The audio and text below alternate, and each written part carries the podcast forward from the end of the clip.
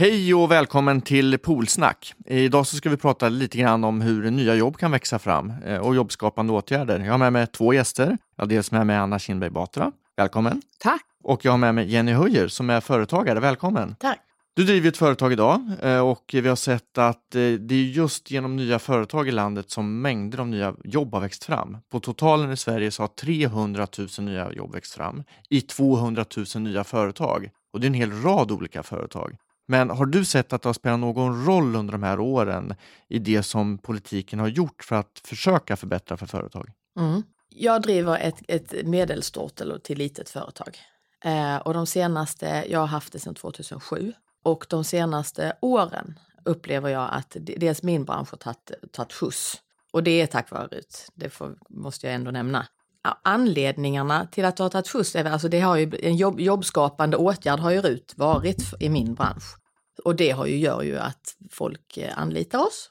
Och ju, mer, ju mindre jante vi får i det här landet, ju mer ser folk och vågar ta steget in eh, till eh, hushållsnära tjänster som jag driver företag inom. Då.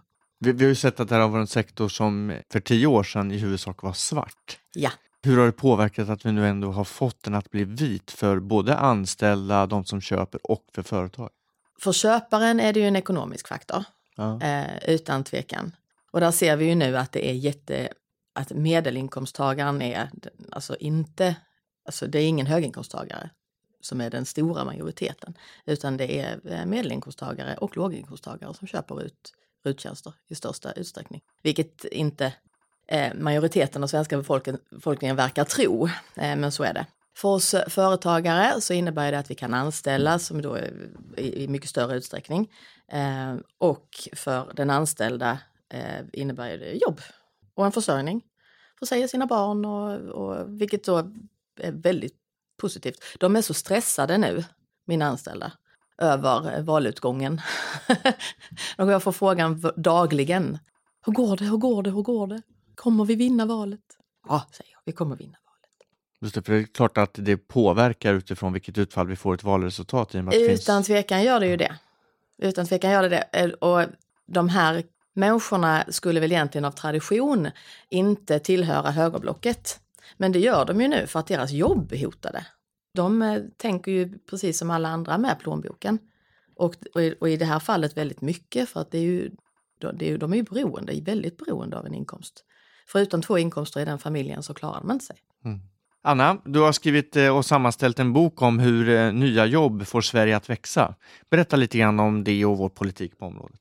Ja, precis som ni har sagt båda två så kommer ju nya jobb av att företag kan växa och anställa. Det är så resurser skapas och där finns många nya jobb. Vi har satt ihop några texter som visar att om vi fortsätter slå vakt om ett bra företagsklimat och fortsätter göra det möjligt för små företag att växa, då kan vi ju fortsätta skapa ännu fler nya jobb. Vi har ju ett jobbmål som ger 350 000 fler jobb framöver och då kommer det ju inte minst av att tjänstesektorn kan fortsätta växa. Vi vet ju att eh, en majoritet av de nya jobben skapas i små företag som växer och där är tjänstesektorn enorm. Så Jenny är ju en av många företagare som behöver kunna fortsätta växa istället för att mötas av enorma hinder. Och här är det ju den viktiga konflikten på söndag. Ska man börja hårdbeskatta ungdomar, tjänsteföretag, även transporter till exempel. Det finns ju rader av förslag ifrån våra motståndare som skulle göra det mycket svårare, mycket dyrare att driva företag. Och då hotar det ju jobben enormt. Det är tre eh, områden framförallt som jag tycker vi ska jobba vidare med och har gjort mycket redan de här åren. Det första är att snabbare och lättare komma igång med företagande. Vi har ju till exempel avskaffat, ja, sänkt regelbördan, avskaffat revisionsplikt, halverat krav på aktiekapital. Och, men det tar fortfarande över två veckor att komma igång med sitt företag i snitt. Det kan man korta. Det behöver vi fortsätta med. Man behöver fortsätta göra det lättare att växa. Det vill vi fortsätta med. Då handlar det om att kunna och våga anställa också såklart. Att eh, fortsätta sänka trösklarna för att ta in den här första unga anställda istället för att chockhöja dem med över 40 000 som det skulle bli om det blev vänsterregering på söndag. Och sen hoppas jag också kunna fortsätta med en ekonomisk politik som lockar fler som Jenny egentligen, fler som vill och kan bli entreprenörer. Till exempel genom att satsa på ung företagsamhet i skolan, mer kunskap i skolan och att det blir mer naturligt att bli entreprenör Nu är det dubbelt så hög andel som 2006 som är företagare. Det tycker jag är väldigt, väldigt positivt. Vi behöver fler entreprenörshjältar som Jenny. Absolut. Frågan är ju kring attityder också in mot företag och entreprenörer. Vad kan politiken göra för att faktiskt skapa ännu bättre, bättre attityd till att man ska våga satsa på sig själv, våga satsa på att starta ett företag och faktiskt ytterst till slut våga anställa människor?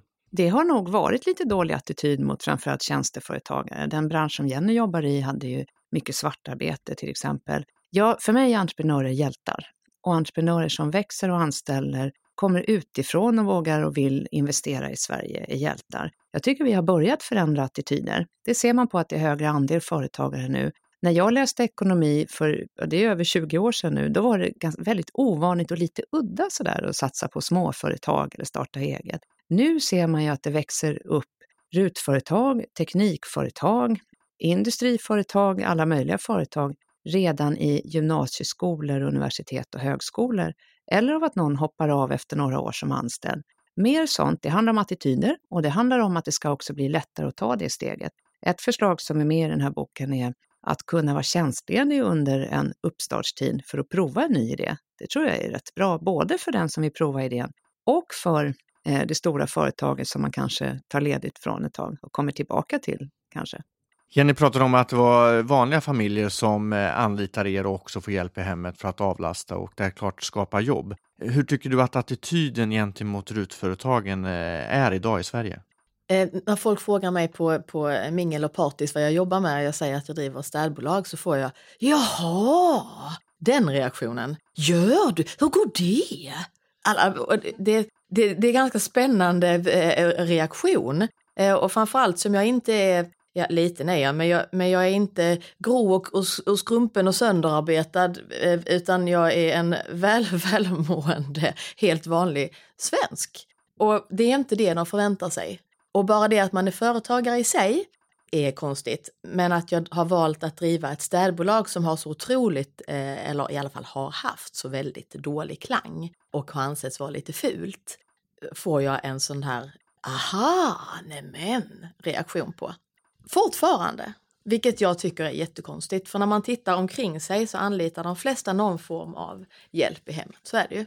Ja, det är ju för att lösa vardagen. För att lösa vardagen. Och nu märker jag ju en stress i även hos mina kunder. Eh, att hur ska, det, hur ska vi klara det här? För att ekonomin finns inte eh, för, att, för att klara av att köpa den här tjänsten utan avdraget. Eh, och, eh, men behovet är väldigt, väldigt stort. Så, eh, så jag, jag upplever nog att, att eh, attityden är bättre, men fortfarande så, eh, så, så ses det lite skumt. Liksom. Det, är inte, det är en annan sak om man öppnar, om man börjar köra ett, ett IT-företag eller börjar köra någon annan eh, lite mer traditionell låda.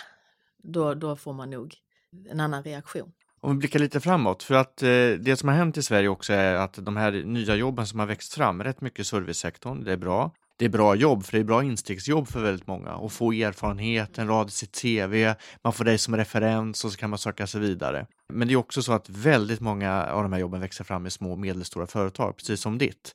Fyra av fem nya jobb växer faktiskt fram i den här sektorn. Och då är det såklart att då är jag också lite nyfiken på att vi blickar framåt. Hur kan vi göra så att vi förstärker eh, era möjligheter ännu mer till att kunna få utveckling och kanske faktiskt kunna anställa ytterligare någon? Mm. Dels är det ju att eh, fortsätta på alla plan bedriva en företagarvänlig miljö i det politiska eh, eh klimatet. För vi, vi behöver ha, det, det, måste vara lätt att komma igång som Anna sa. Och det är, det är lättare idag än vad det har varit, men det, det behöver bli lättare. Eh, man ska inte behöva vänta på sin F-skattsedel mer än eh, det borde vara att man till exempel en preliminär F-skattsedel. Man gör en snabb koll från Skatteverket så att man inte sitter i något brottsregister eller någonting. Men att man sen kan få en preliminär eh, F-skattesedel så att man faktiskt kan komma igång och börja fakturera, utföra arbete och fakturera. För ju fortare man kommer igång där, ju snabbare kan man sätta en person i arbete eh, och då har man bollen i rullning. Sen är givetvis eh, arbetsgivaravgifterna, så alla de här avgifterna som vi betalar, de är höga, vilket gör att väldigt många drar sig för att men jag måste ju betala så här mycket för att anställa en person som har så här mycket i lön. Det är, det är dyrt att anställa. Varje arbetad timme är väldigt, väldigt dyr för arbetsgivaren. Anna, vad gör vi åt det? Ja, vi vill fortsätta sänka trösklarna, inte minst för ungdomar, för både små företag men också för att ta det här steget att prova någon som är 19 och just har gått ut gymnasiet och inte bevisat sig någonstans överhuvudtaget. Med henne i åtanke till exempel så vill vi ju fortsätta göra det ännu billigare för företagen att anställa någon som är under 23. Så att vi skulle sänka arbetsgivaravgiften ännu mer. Vi har ju halverat den och det innebär att våra motståndare skulle vilja fördubbla den. Det skulle ju öka kostnaden för en ung med över 40 000 kronor per år. Vi vill också att det ska vara lite lättare att man kan prova på varandra. Vi har ju infört möjlighet att ha längre eh, visstidskontrakt till mm. exempel, och provanställningar är viktigt att man har så att man kan prova på varandra. Annars är det ju färre som kan ta det här första steget. Mm. Så det där är viktigt. Vi har sänkt företagens regelbörda med ungefär 7 miljarder och det behöver vi fortsätta med också. De länder vi konkurrerar med har lite lägre krav på aktiekapital, är snabbare i starten och konkurrenstrycket från andra länder på Sverige, det bara ökar och det drabbar ju alla företag, stora och små, tjänster och produktion tar vi in ekonomin i detta för att det är också så att ekonomin tror jag har rätt stor betydelse för företagen, både när vi pratar om att hålla ordning och reda, ekonomin för Sveriges, eh, för Sveriges ekonomi, men också såklart för enskilda familjer med det som vi har gjort genom att stärka människors köpkraft. Vi har sett till att för en vanlig löntagare har man en extra månadslön per år. Eh, vad, vad, tycker du att vi behöver göra mer när vi också så här, lite grann blickar framåt och i en miljö i den politiska debatten där det nu är slutspurt? Det kommer förmodligen vara högt tonläge och vi ska visa på skillnaderna. Men vad är liksom ditt argument för att nu få dem att, de sista osäkra, nu ska de rösta på Moderaterna? Eh, jag har varit ute och rest ganska mycket nu i valrörelsen och vart man än kommer så kommer det nya miljardlöften ifrån våra motståndare. Jag tror inte folk tar det på allvar, för till slut handlar det om vem kan hålla ordning på det här landet och den här ekonomin och få den att växa i en stenhård omvärld, en orolig omvärld och en omvärld där konkurrenstrycket ökar. Det är till slut det det handlar om. Vissa går och strör löften omkring sig, andra vill prata om något annat. Men det man avgör på söndag, det är till slut, ska vi vårda och stärka Sveriges position, eh, som ju är en av de bättre i hela världen? Vi är, när man gör, Economist gjorde en sånt här, var, var har man bäst utsikter om man föds som spädbarnindex? Då är vi ett av de länder i världen där man borde försöka se till att slumpen hamnar om man ska födas som bebis nu. För vi har bra skolor, vi har kunnat öka resurser till välfärden, vi har stabilitet och ordning och reda i ekonomin och det är därför den har kunnat växa. Det här är inte gratis. Det är inte bara så att vi har det bra, utan det måste man ju jobba för. Man måste jobba för jobben och då kan man inte slarva bort Sveriges starka position. Det ska man tänka på på söndag tycker jag. Vem kan hålla ordning på Sverige och få jobben att växa och bli ännu fler i en orolig värld? Och det känner jag bara en statsministerkandidat som kan. Mm. Schyssta villkor för företagen, schyssta villkor för de anställda, tid. Eh, någonting vi har bristvara av i det moderna samhället så är det tid. Vad säger dina kunder efter ni har jobbat hos dem? Tacksamheten är ju enorm. vi får ju otroligt mycket cred eh, från våra kunder. Och sen om man tar sin kund på allvar så ser man till att leverera den tjänsten som de vill ha. Och då har man en trogen kund och en väldigt, väldigt nöjd och glad kund som kan ägna sig åt sina barn på kvällar och helger, alltså läxläsning. Med sina barn har man två barn, som jag som är 9 och 11. Ja, men jag tillbringar ju timmar i veckan med att sitta med läxor och sen är det fri, fritidsaktiviteter och man kanske vill göra något kul själv någon gång. Dra en golfrunda eller spela, spela, göra, lösa sudoku, inte vet jag. Men tiden finns ju inte. Eh, de flesta håller ju på eh, och donar i hemmet fram till klockan 10-11 på kvällarna fast vi har varit där. Bara för att vi har varit där så innebär ju inte det att tvätten inte eh, ska vikas eller att det finns ju alltid saker att göra ändå.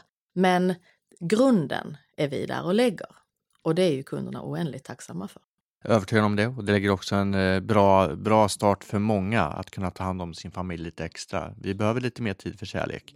Vi ska avrunda detta, för det går fort när man har trevligt med att ändå ge andra chansen. Nu är det slutspurt de sista timmarna. Vi har i åtta år gjort ett eh, bra Sverige bättre. Nu ska vi övertyga de sista väljarna så att vi får fyra år till. Vad är ditt huvudargument för att man ska rösta på Moderaterna på söndag? Då handlar det om vem kan hålla ordning och reda i Sverige i en orolig värld? Och vem kan se till att vi har en ekonomisk politik där jobben kan fortsätta växa till? Jag är stolt över att vi har fått 300 000 fler som jobbar sedan 2006, men nu behöver vi fortsätta för att Sverige ska vara starkt även när våra barn växer upp. Därför har vi jobbmålet på 350 000 jobb och därför har vi en ekonomisk politik där ordning och reda är botten och grunden och där företagen ska ha bra villkor i en stenhård värld. Slarva inte bort Sveriges starka position, utan satsa på tillväxt, ordning och reda och ledarskap och ett regeringsalternativ som håller ihop och funkar. Ni har lyssnat på Polsnack med Kent och vi tackar våra gäster Anna och Jenny och på återhörande.